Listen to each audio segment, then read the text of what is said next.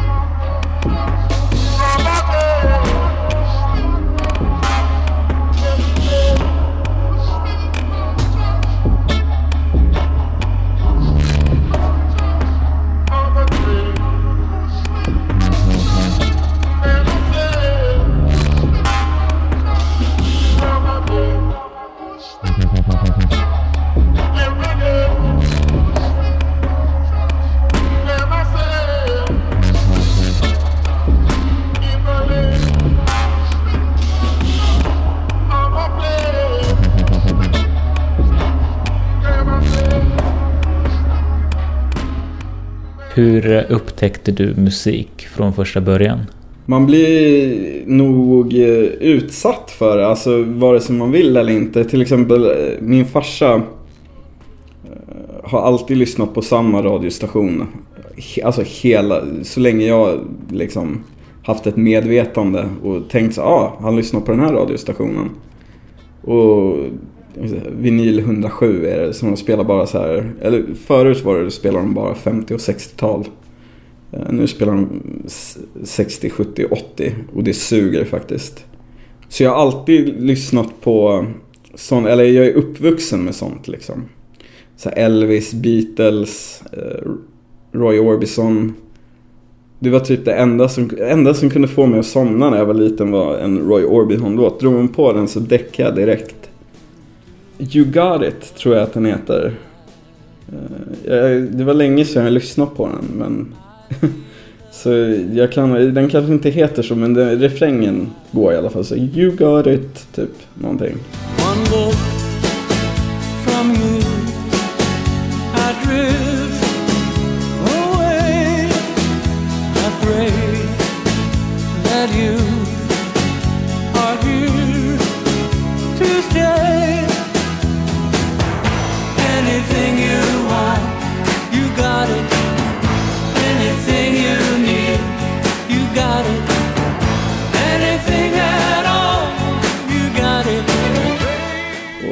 Skitbra, det är den. Men eh, det, det är liksom så lite... Jag blir sömnig av att lyssna på den på ett bra sätt. Liksom, men det, det, kan också vara så här placebo att man har berättat det för mig. Så, Åh, du somnade alltid till den här datorn och då slår någonting till i hjärnan. Så jag är uppvuxen med sånt och farsan har alltid varit så ja det här måste du lyssna på, lyssna på det här partiet liksom. Och morsan har också, hon har lyssnat mer, mer casual liksom på, ja, på radio och så vidare och så ja men den här låten är bra och då har man också lyssnat liksom för att morsan säger det. När man är liten så lyssnar man ju oftast eh, på vad mamma säger. När hon var ung så var det väldigt mycket typ så punk och David Bowie, sådana prylar liksom. Så hon har försökt och lägga, men just David Bowie har jag, var jag tvungen att upptäcka själv. För när morsan spelade så var det så, öh", typ. Men sen när man varit lite äldre och så här, men fan man borde lyssna på Bowie. Och så gjorde man det och så tyckte man att det var bra. Liksom. Man hittade det själv. Fast Ja men det är liksom så här, så här, det är inte coolt att mamma lyssnar på det. Men sen upptäcker man det själv lite senare. Och morsan har suttit där hela tiden och liksom så här, ja, jag väntar. Jag vet att du kommer tycka om det här så småningom. Liksom. Ja men mycket, mycket 50, 60 och sen typ 80. Eh, så det är sånt jag är uppvuxen med. Men sen upptäckte man ju musik själv. När man är typ 13, alltså när man kommer in i tonåren. Det är då man upptäcker musiken man alltid kommer gilla. Det är så vanligt, hårdrockare har ju alltid liksom om man börjar med att lyssna på eh, Alltså som hårdrockare, om man börjar lyssna på Sabbath då kommer man alltid gilla Sabbath. Liksom. Eller som så Kiss liksom. Man är, om man gillar Kiss när man är liksom 12 så är man liksom mer eller mindre en medlem, och inofficiell medlem i Kiss Army liksom tills man dör. Jag, jag vet inte, alltså det är ju säkert så med andra stilar eller vad man säger men det känns så här till exempel om man, till exempel jag gillade mycket, när jag först började lyssna på dubstep till exempel så gillade jag alltså de här jävla tear out, Borgware till exempel. Eh, eller typ That Sick.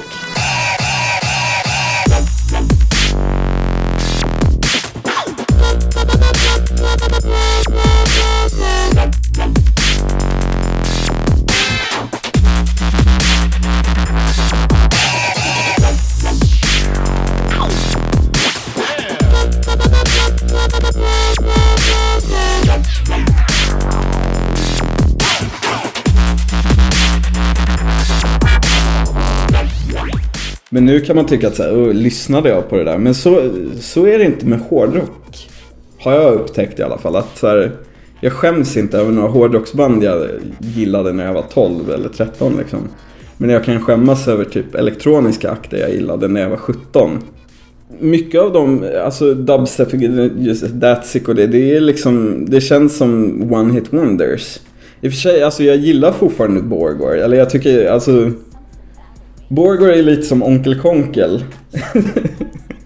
ja men det är samma liksom så här stuk på texter och så här, alltså det är roligt. My dog walked around with a diaper just in case that I'll be desperate enough to try to fuck him in the head.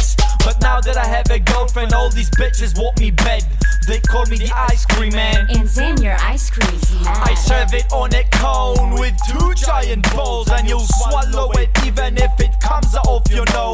Yum, yum. Oh my, oh my, oh my god. Oh my. Så jag, tycker Borgward är skitrolig och alltså det är när man är full är Borgward jätteroligt. Alltså så här, eller all sån så här, blä, dubstep är rätt rolig när man är full. Men eh, jag tror, jag tror ingen kommer in alltså på till exempel sån musik när man är typ 13. För det, det är lite så undangömd musik. Eller till exempel Prodigy, för de spelades på MTV. Men Borgward skulle nog aldrig ha spelats på MTV. Så det är så här grejer man får söka sig till. Eh, Men hårdrock, jag tappar bollen här. Jag kommer inte ihåg vad jag ville komma fram till. Men eh, Vilka var, det, vilka var de hårdrocksbanden som du upptäckte när du var 12-13? De första? ja, Alice Cooper och Black Sabbath. För jag har alltid gillat skräckfilmer och sånt. Och det är ju liksom så här, näst, det är det logiska steget från skräckfilmer. Eh, det, eh, när jag var, började skolan, alltså gick i ettan i eh, grundskolan. Så typ första dagen så är man ju där med typ så här föräldrar och de så här, hej jag är din fröken och typ så här. Och då hade en av fröknarna, en sån här gammal tant, typ kommit fram och sa Vad gillar du då lilla vän till mig? Och då hade jag enligt morsan svarat Jag gillar allt som är mörkt. hade jag svarat. Det, på tal om så här pretto. Eh, så det, det var liksom det logiska steget att börja lyssna på hårdrock. Från, ja, men från skräckfilmer och grejer. Och, för här är jag och en kille som jag gick i grundskolan med. Vi upptäckte rätt snabbt att vi kunde hyra skräckfilmer. När vi var 7-8 i videobutiken här. Så vi, när vi var typ 9 så hade vi sett Evil Dead, typ Motorsågsmassakern. Typ eh, Zombie Flesh Eaters. Eh, Staden med de levande döda. Alltså alla de här. Och några så här traumafilmer också. Men de var, de, vi myglade inte med att så här, vi fick ju, för våra föräldrar var ju så här, alltså det är bara film liksom. Det var ingen moralpanik precis. Eh, men de här traumafilmerna, de myglade vi med för de är ju mycket så här, det är ju så här brutal splatter och naket och så här stört. Så, så de myglade vi med. Det var liksom så här, de hyrde man och så när man kom hem så ja, vad har ni hyrt för filmer? Så ja, vi har hyrt de här två och sen gömde man påsen liksom med den här traumafilmen. Vad var det med skräck som attraherade dig? Det, alltså, med risk för att låta sjukt pretentiös. Det mörka, alltså det var, det var spännande. Liksom. Det var... Jag kunde relatera på något sätt. Eller ja, jag kunde, alltså till exempel, det är en så här... Eh, en av anledningarna som folk tror till exempel att den gamla Frankenstein den från 1931, att varför folk gillar monstret. Och var, särskilt varför barn gillar monster. För att de kan relatera. De, är liksom, de har satts till världen av någon som... Eh, alltså de har ingen kontroll över det själva. De har blivit satta till världen. De har ingen aning om vad, alltså vad det innebär att leva liksom. Egentligen. Och det är egentligen ingen som förklarar det heller. Man får liksom... Jag tror att barn kan relatera till det. Liksom, för det, de är i samma sits som monstret. Och det är lite på samma sätt eh, som jag gillar skräckfilmer. För jag kan relatera till att eh, ja, men monster är ofta så här missförstådda eller så. Eller ett monster väcker liksom avsky. Och när man är eh, typ 7-8 och inte precis den populäraste snubben i klassen så kan man relatera till att vara ett monster liksom. Och sen det satte igång min fantasi. Eh, skräckfilmer. Jag kommer ihåg att Evil Dead fick mig att vilja hålla på med, liksom, ja, med, med film. För att det, den fick mig att komma på idéer. Jag liksom spann vidare. Och det, det var en så jävla grym känsla. Att den bara, det kändes som, det exploderade liksom. Jag fick en miljon idéer till egna filmer och till hur jag skulle liksom Ja men till historier liksom. Och det var en jävligt cool film också. Jävligt gory och jag gillade det. Det Jag kan dock, det kan jag inte förklara dock varför jag gillar splatter riktigt. Jag tycker det bara är roligt när de drar ut tarmarna på folk.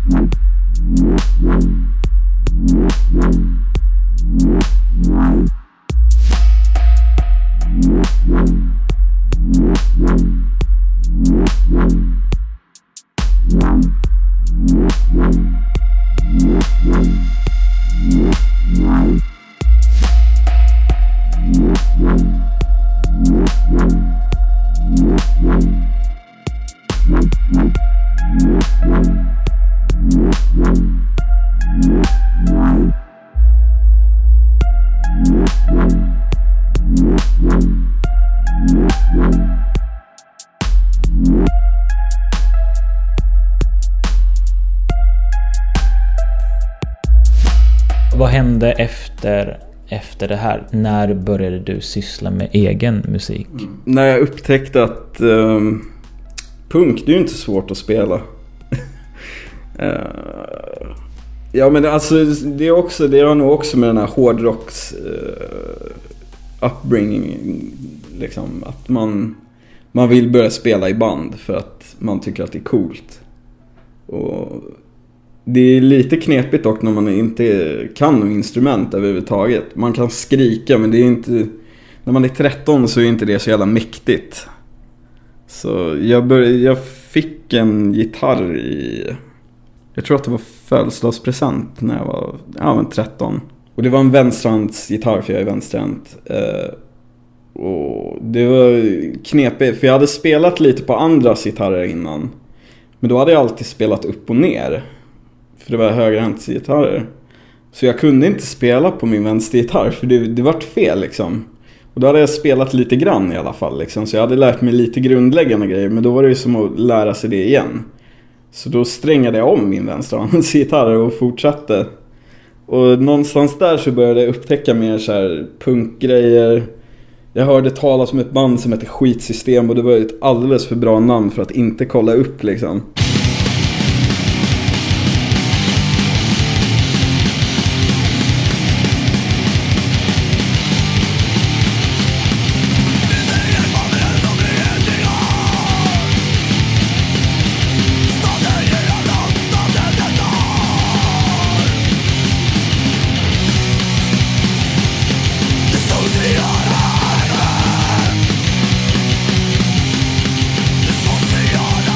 Och det var ju så jävla simpelt liksom. Det är alltså typ tre, fyra ackord bara. Så, du, du, du, du, du, du.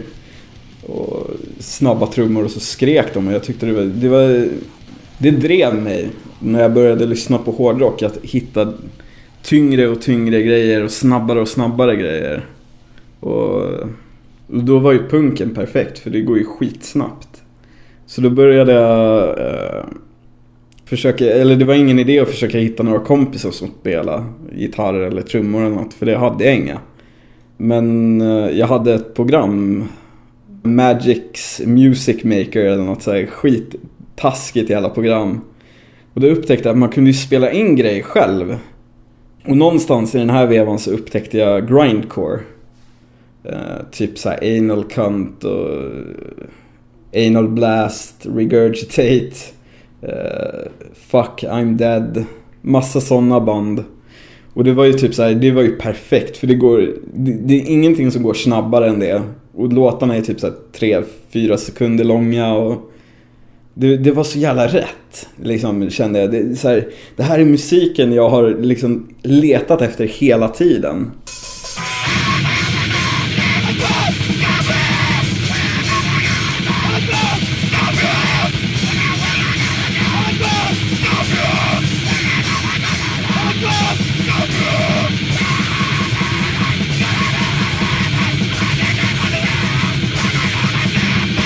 Det är ju skitlätt, det är ju 3-4 sekunder, man behöver ju inte kunna spela då. Så då satte jag ihop ett band med några typ så här, mer eller mindre villiga kompisar och började experimentera med det här musikprogrammet. Och jag och min eh, granne eh, startade ett band eh, som hette Bastumarodörerna. Jag hade en skittaskig så här, gammal akustisk gitarr. För jag visste inte hur man skulle koppla in gitarren i datorn då. Men jag hade en så här taskig datamick. Eh, så vi spelade in eh, den akustiska gitarren. Jag spelade alltså knappt ackord eller alltså. Och sen speedade vi upp det. Och sen vände vi på gitarren och spelade in när vi slog på gitarren som trummor. Så här blast Och speedade upp det också. Och sen skrek vi in i micken båda två. Och speedade upp det också. Och när han speedade upp sina och jag eh, drog ner pitchen på mina. Och ja, så gjorde vi, vi gjorde en hel EP på typ en timme. Hur upptäckte du elektronisk musik eller när gjorde du det? Jo, det är en rätt rolig historia. För jag hängde med, jag upptäckte att det fanns fler hårdrockare eller metalmänniskor i Skogås. Där jag bor. Och ja, men blev kompis med dem och vi hängde, de spelade i ett band. Och vi spenderade helgerna med att typ så här dricka folköl och lyssna på metal och typ så här. Ja men typ såhär, Dimmy Borger är inte true för de har syntar, alltså sådana jävla diskussioner, riktigt, ja men riktigt såhär metal-snack liksom. Och sen var det i samband med någon hemmafest så var det någon som drog på Afix Twin. Jag tror att den här personen som gjorde det hade försökt göra det förut. Och då var det såhär, vad fan det är ju syntar och skit, fan vad töntigt, uh. Men just den här kvällen så drog han på Come to Daddy. Och för metal, det är, det är inte ett långt steg från metal. Jag tror att Afix till och med har sagt att han försökte skriva en så här black metal-låt med den.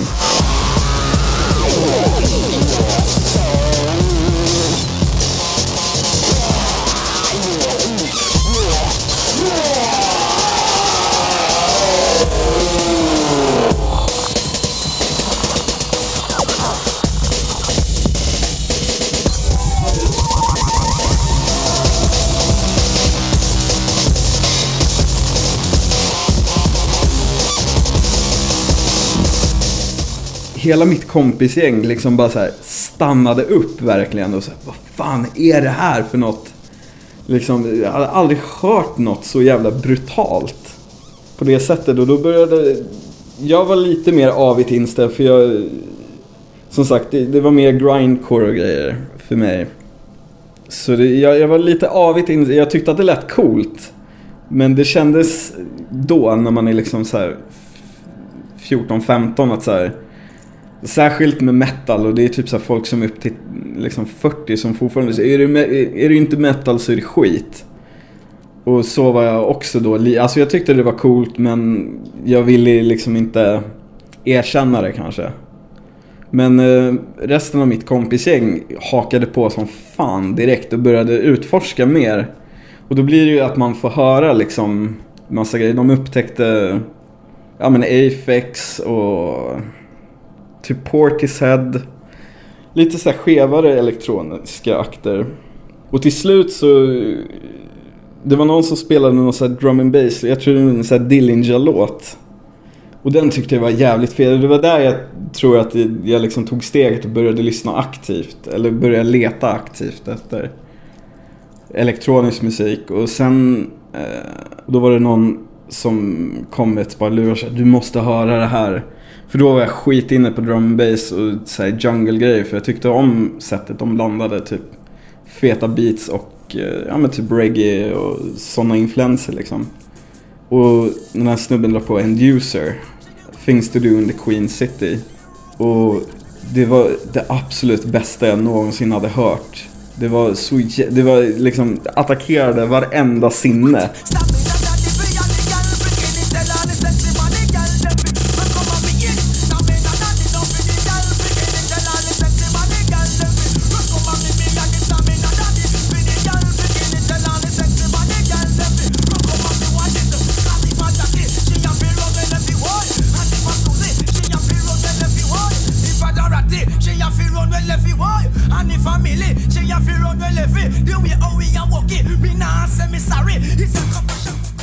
Det var så jävla brutalt. Jag, jag fattade inte hur man fick till sådana jävla trummor. Och sånt tryck. För det var basen och ja det var liksom. Det var verkligen så här, snudd på en religiös upplevelse. Och efter det så var det liksom, då var det. Jag, jag tror ingen kallade det för just breakcore då. Eller i alla fall inte mitt kompisgäng. Jag tror att vi sa drill and bass. Och då var, det, då var det det för hela slanten. Och mina kompisar hade då typ... Eh, eller ja, mitt, mitt kompisgäng hade börjat experimentera med FL Studio. Och börjat göra typ drill and bass grejer. Eh, så, och jag ville ju också börja göra sån musik. Jag blev så här. För jag fick reda på att han det var ju inte en känd snubbe liksom. Det var ju en snubbe som satt i sitt sovrum och gjorde grejer. Då. Eh, Så jag tankade också FL. Jag menar köpte FL. Vad skulle du kalla den elektroniska musik som du gjorde först? Uh, oväsen. Det var liksom... eh, ja men jag, jag kunde ju ingenting om noter eller så vidare. Så det var... Man körde tills man tyckte att det lät bra. Och man hade rätt så här låga... Vad fan heter det? Ja men låg eh, tröskel för vad man tyckte lät bra.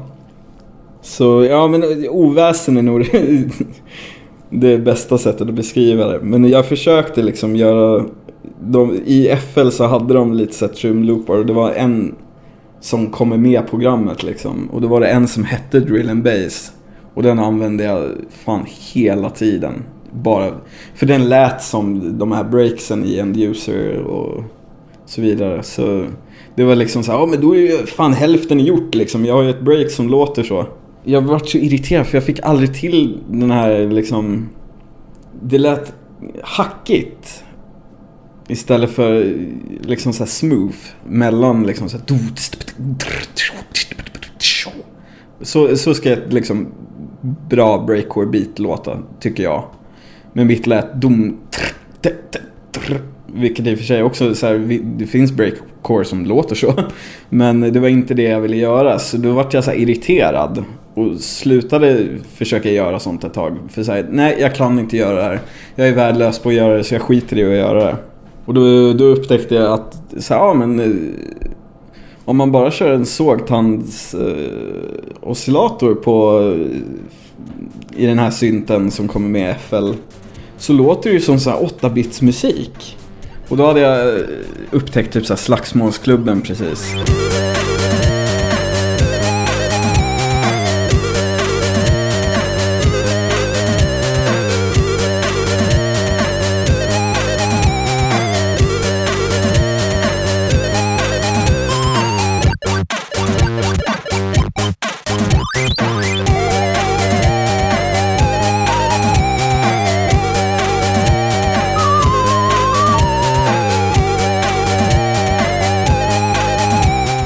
Så då ville man ju typ såhär, ja men jag vill göra sånt här. Fan, jag älskar Nintendo. Jag växte upp med det liksom.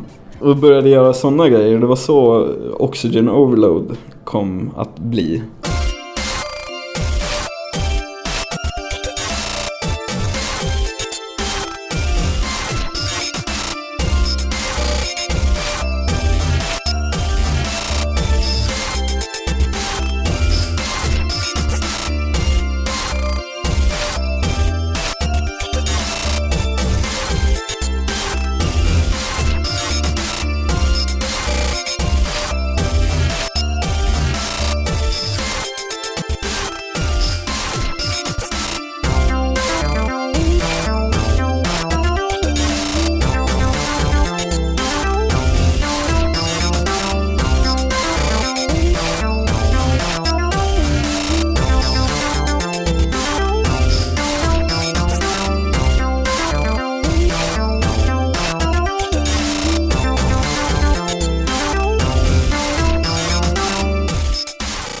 Och det var, jag lyssnade jävligt mycket på så här emo-grejer då också. Så jag försökte så här, eftersom jag inte hade någon sång på de grejerna. Eftersom jag är för feg för att sjunga själv och inte kände någon som sjöng. Så, så här, ja men hur får man in mer känsla? För jag ville att det skulle vara väldigt så här melankoliskt. För jag tycker det låter jävligt vackert med så här 8-bits grejer som låter som melankoliska. Och... Ja men då, då får jag göra, då får eh, titlarna vara jävligt melankoliska för att ge den här grejen som sång ger. Så, så det var ju väldigt, alltså de första, eller alla Oxygen Overload grejer har så här fruktansvärt Jag vill inte säga töntiga för jag kände ofta så som titlarna heter liksom. Men ja men lite så här melodramatiska liksom. Och det, det, där, när jag började med Oxygen Overload så det kändes som så här, nu, nu har jag det. Det är det här jag vill göra. Och jag, jag är rätt bra på det också. Kände jag. Så och då var det ju bara att fortsätta. Och jag lärde mig sjukt mycket. För då, det var då jag började eh, ja, men så här, bli seriös med att göra musik. Så då började jag kolla internet, eh, alltså så här, kolla tutorials slaviskt på YouTube. alla, nej, YouTube fanns. Jo, YouTube fanns. uh, ja, och, alltså på nätet överhuvudtaget läsa hur man gör. Alltså, jag läste mig till på nätet. Hur man gjorde saker liksom i FL. Och lärde mig jävligt mycket av att experimentera också.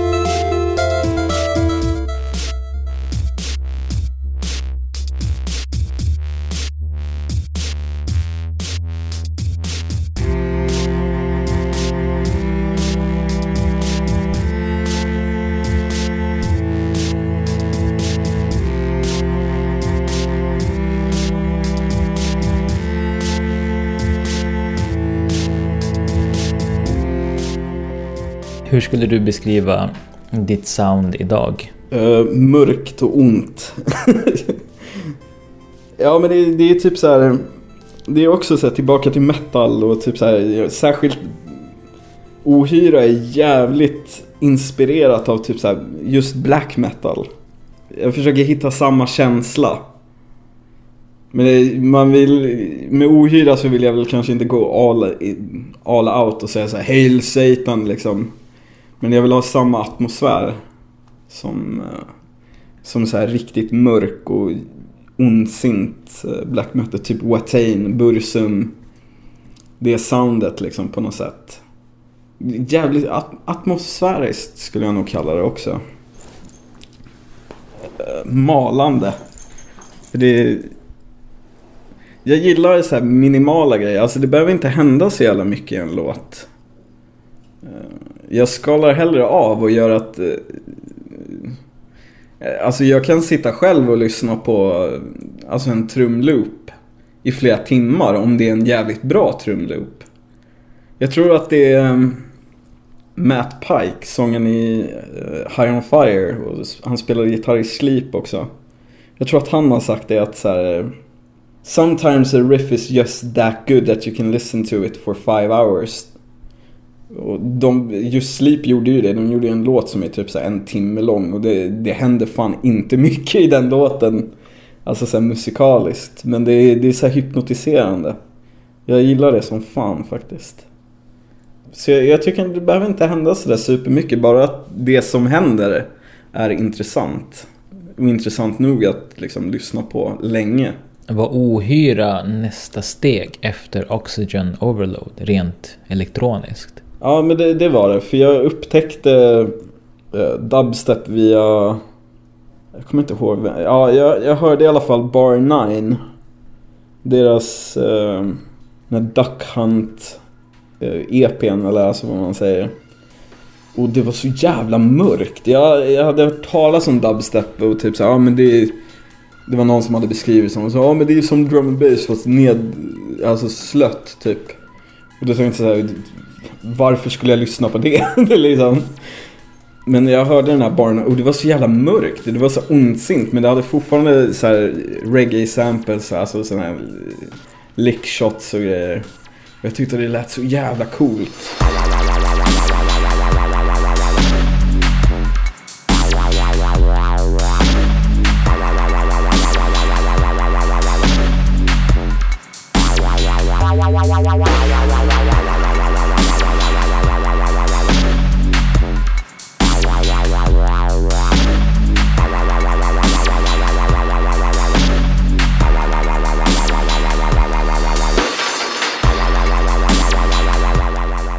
Det lät skittungt. Det, det var samma där som när man hörde End user.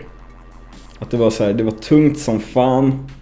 Det hade reggae-influenser, vilket jag tycker är skitcoolt. Och det var mörkt liksom. Det, jag gillade det som fan och då började jag utforska det mer. Och jag försökte göra, jag upptäckte typ så här. Ja men det var någon sån här jävla tutorial på YouTube. Så ja men hur du kopplar eh, filtret till en LFO typ och får ett wobb-ljud liksom. Eh, och gjorde det och alltså gjorde helt, gjorde så här melodiska wobbles.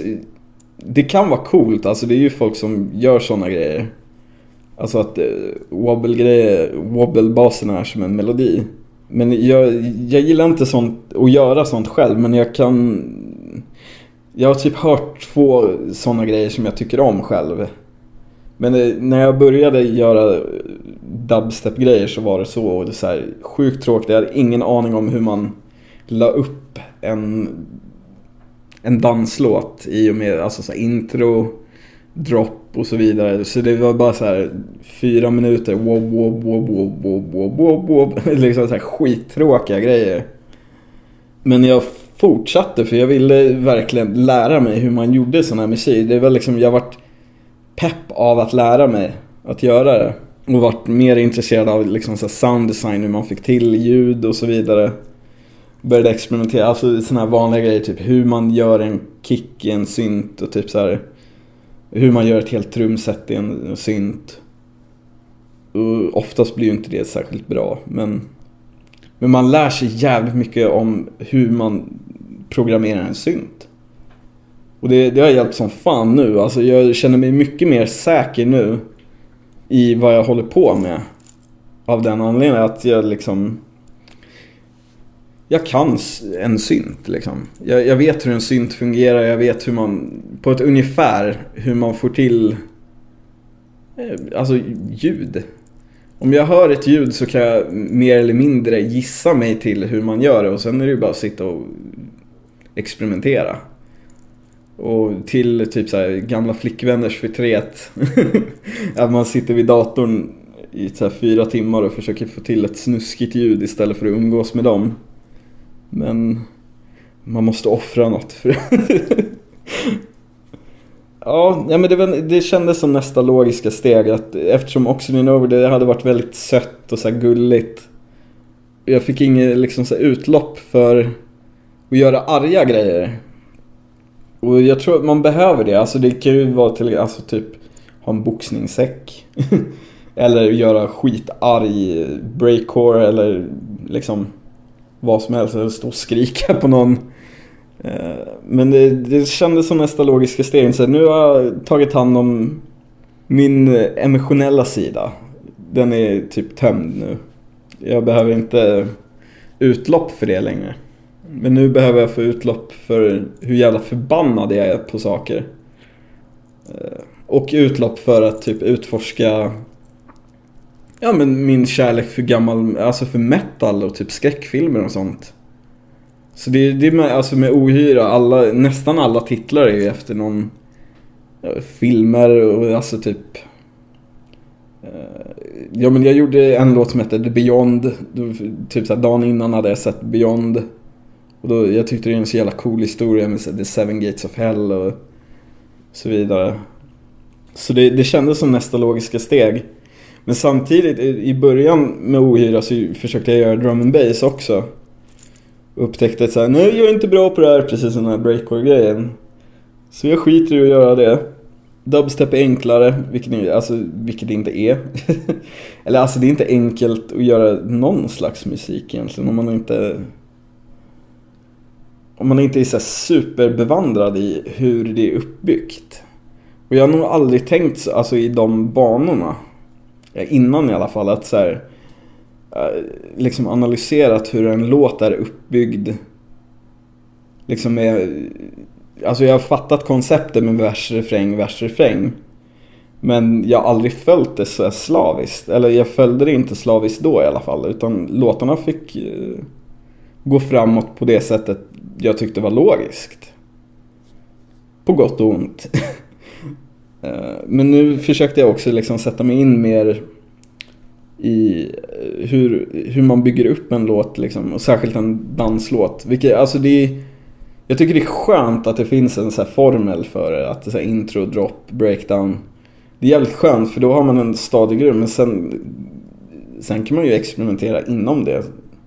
Det kan ju vara eh, liksom så här att, ja ah, okej nu droppar den och så enligt den här formen så är det 32 bars nu innan en breakdown. Men då kan jag, det behöver ju inte vara 32 då. Det kan vara 64 bars innan den dropp, eller alltså innan det kommer ett breakdown. Så jag, jag försöker, jag kan nog låsa mig rätt mycket i det. Att säga, ja men det, det är en formel, det, det är safe liksom. Men eh, jag försöker påminna mig om att säga, men du behöver inte följa det sådär superslaviskt. Men det, det är knepigt för jag är en riktig sån här jävla rutinmänniska. På det sättet.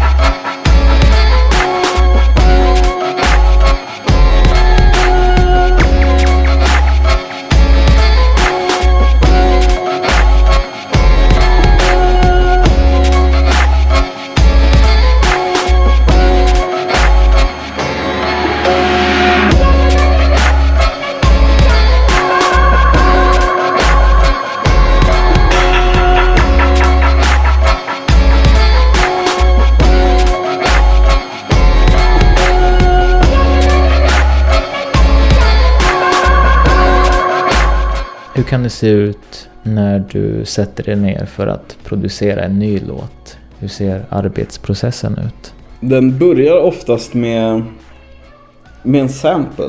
Jag försöker att inte använda sådär supermycket samples av den. För det, det är lite så här gjort. Liksom, men att säga, ja men innan droppen så kommer det en ondsint sample och sen droppar det liksom. Men eh, det är ju det, en sample är en bra grogrund för det, det är precis som med skräckfilmer liksom att så här, det satte fart på min kreativitet. Och en sample gör samma sak oftast. Om det... Jag börjar ofta med ett koncept. Kring hur jag vill att, ja men låtens historia. Vad, vad ska den här låten ha för historia? Och då, Ja men det kan vara så här, ja men zombieapokalyps till exempel. Och då är det jävligt bra om man har en sample så här som säger When there's no more room in hell, the dead will walk the earth. Det, det, är liksom, det är en bra grund att börja med. Oftast börjar jag då med att försöka hitta ett basljud. Eh, men ibland är det så också att jag börjar med att kanske göra en trumloop. Alltså bara det, kanske en bongotrumma som kör någon cool liksom, rytm. Och sen bygga bygger jag liksom main-trummor på det. Och låter det driva låten. Det, det är liksom nästan varannan gång så är det basen som eh, liksom styr hur resten av låten ska vara. Eller så är det trummorna som styr hur resten av låten. Trummor över rytm, groove, är viktigt som fan. Jag kan sitta i flera timmar och med ett groove och sen om det blir så här om jag lyssnar på samma trumloop i kanske en timme och efter en och en halv timme så tycker jag nej nu är inte det här intressant längre. Då tar jag bort allt och börjar om. För jag vill att jag vill att mina trummor ska vara så, så att du kan lyssna på dem i en och en halv timme och tycka att det är fortfarande är spännande och intressant. Vart känner du att du är på väg soundmässigt? Vad skulle du vilja utforska vidare? Eh, jag tror att jag är på väg ännu mer alltså ner i så här mörka grejer. Jag tror att det till och med kan bli så att det blir ännu, alltså mindre mindre fokus på trummor. Jag prövar, alltså jag har börjat pröva och typ så här ge fan i att ha en snare till exempel. Uh, vilket det blir mer techno då liksom men eh, men det är jävligt intressant, alltså det gör världens skillnad att, den där, att inte ha den där virveln på trean liksom. Och det, det känns jävligt befriande också liksom på något sätt. För det, det är ju verkligen att bryta dubstep-formen liksom. Nu är det, alltså det är ju gjort också. Eh, jag tror att Cryptic Minds gjorde en hel mix när det bara är alltså, så här, mer eller mindre grejer utan snare. Och, och det lät så jävla bra.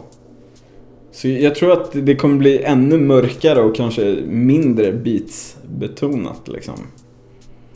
Kanske mer så här ambient till och med. Gör som så här Bursum och släpper en sån skitdålig ambient skiva. Sen tror jag att det kan vara på väg också att Ja men eh, som sagt, ännu mer åt black metal och metal överhuvudtaget. Den, den som lever får se.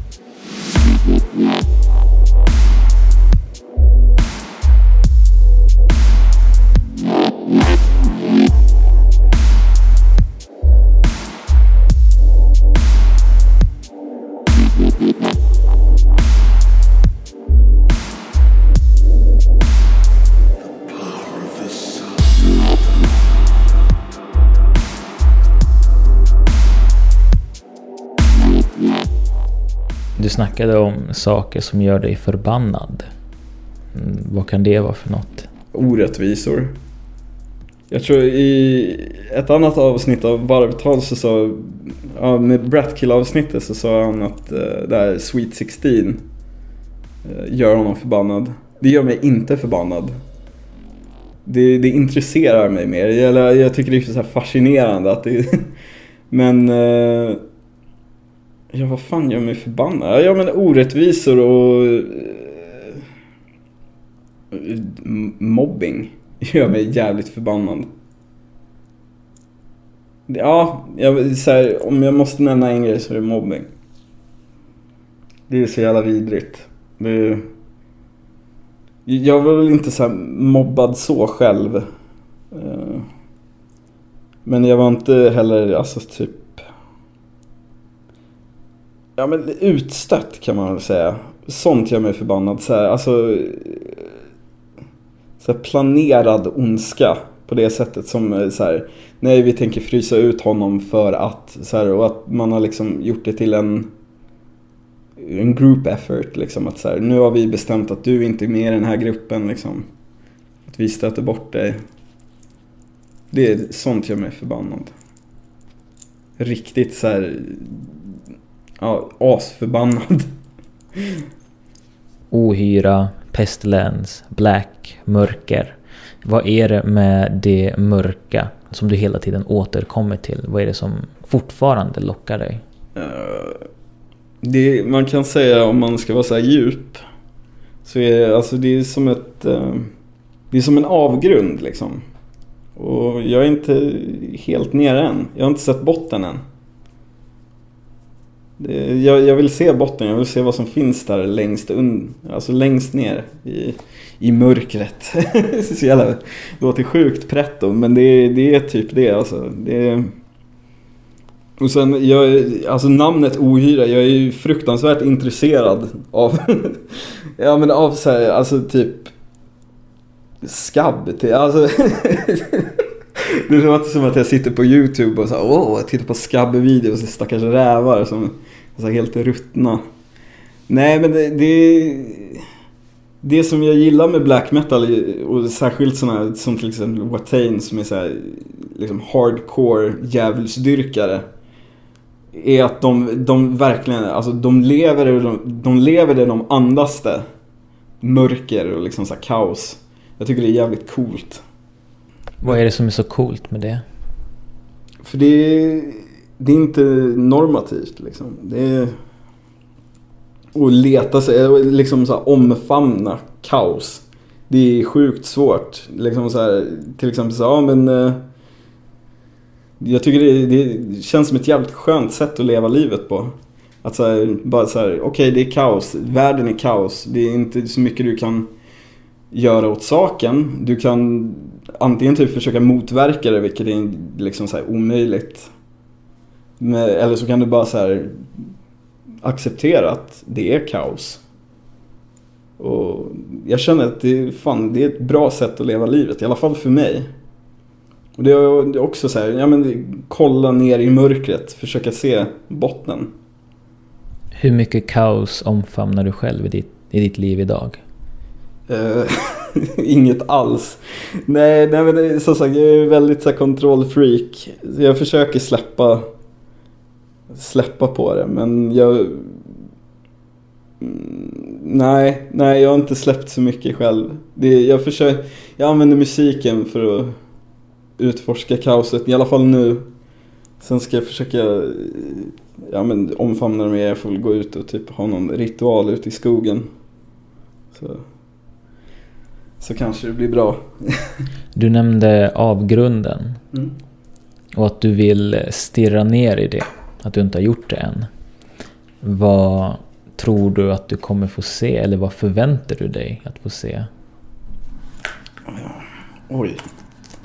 Jag eh, tror att jag kommer... Det jag vill se är svar på saker som så här, varför... Varför var folk taskiga mot mig när jag var liten? Varför, eh, så här, varför gör jag musik? Alltså liksom... Meningen med livet, alltså sådana såna grejer. Men jag tror att... Jag tror att det är rätt kört med de frågorna. Det är, eller alltså i alla fall svar på de frågorna. Jag tror att... Eh, jag tror att jag kommer bli upplyst. Alltså kan, jag kommer inte få svar på mina frågor men jag kommer få ro.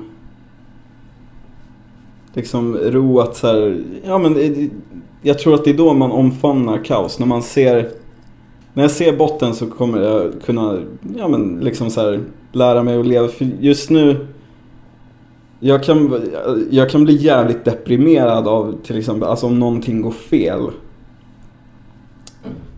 Eller om alltså någonting inte styr upp sig. Alltså till exempel om jag skickar en låt till ett skivbolag och de verkar intresserade men sen skiter det sig. Det är jävligt jobbigt alltså. Det tycker jag är skitjobbigt. Eh, så det jag tror att jag vill, eller det jag tror att jag kommer få där är liksom closure. Att så här kunna bara, ah, okej. Skitsamma, det är kaos. Tror du att du kommer kunna få en inblick i avgrunden endast via musikskapandet? Eller behövs det någonting mer utöver det? Ja, jag, tror att det, jag tror att det behövs något mer, men jag tror att musiken är en, liksom ett bra verktyg att klättra ner med. Eh, men jag tror att det behövs självrannsakan liksom. Man behöver bli eh, säkrare i sig själv. Och det kanske, det kanske kommer med liksom till exempel framgång. Alltså, ja men att det går bra med musiken men då... Eh, eller bara att typ så här, få ett jobb som man inte hatar. Vilket i och för sig är en jävla, alltså jobba på så här vidriga jobb är skitbra för musiken. för man blir förbannad. Man blir jävligt förbannad. Eller jag vart det på mitt gamla jobb i alla fall så. Och då gjorde jag typ så här, det var då Det var då ohyra vart bra på riktigt, typ. så Vad var det för skitjobb? Loppmarknaden i som entré, eh, publikvärd. Eh, publikvärd är grekiska och betyder slav. Det var så jävla vidrigt på så många plan. Typ så här, personal som inte är klok i huvudet. Gäster som inte heller är helt riktiga. Alltså, en, en kollega har varit liksom så här knivhotad över entréavgiften på 10 spänn. Och jag har varit kallad både det ena och det andra och typ så här, alltså hotad och... Ja, och chefen var inte klok på något jävla sätt. Så, och det var en så här rutten jävla lokal, det var en källare. Så alla, så här, alla paralleller man kan dra till helvetet liksom. En så här rutten källare med massa gamla mögliga och dammiga saker. Utan typ så här någon slags luft liksom. Så du vart ju sjuk hela jävla tiden också. Och så här, ja nej, det var så här äckligt och folk som sket på golvet inne på muggen och så här. Ja, det, det, det är helt alltså, vuxna människor som går in och bajsar på golvet. Det gör mig också förbannad. I alla fall när det är jag som måste ta upp det.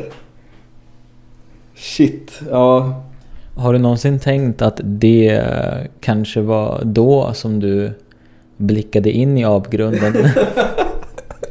Ja, det var kaos i alla fall. Det, det mycket möjligt. Ja, jo men det det var där jag började liksom så här finula på den teorin om kaos och så vidare, om mörker.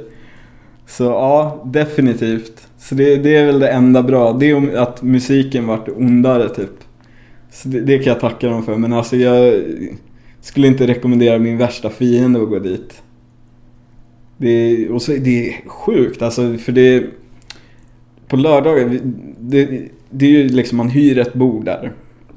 Och eh, på lördagar, särskilt kring typ löning, så kommer ju typ alla Svenssons och typ så här folk från typ Lidingö och grejer så åh vi ska hyra bord på en loppis och så mysigt och så här.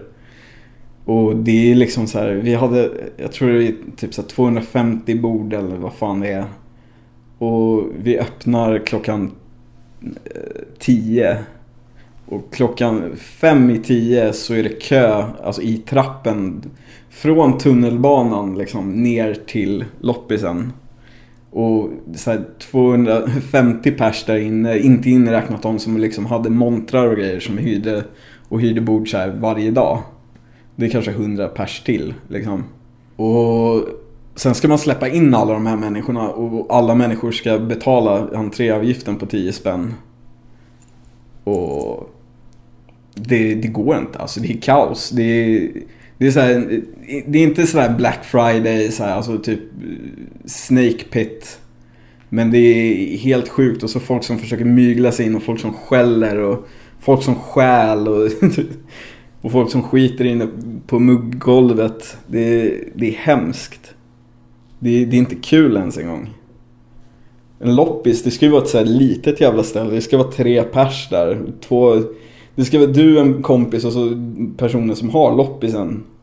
Men så, ja, nej. Och när, i början där, då var det ju så åh jag jobbar på en loppmarknad, det är ju skitkul ju. Jag, jag, jag har varit på loppis en gång efter och det är typ så här nästan ja, ett och ett halvt år sedan jag slutade. Jag pallar inte, jag är trött på loppisar, jag vill aldrig mer se en loppis. Så dammiga prylar får jag typ fortfarande ångest av.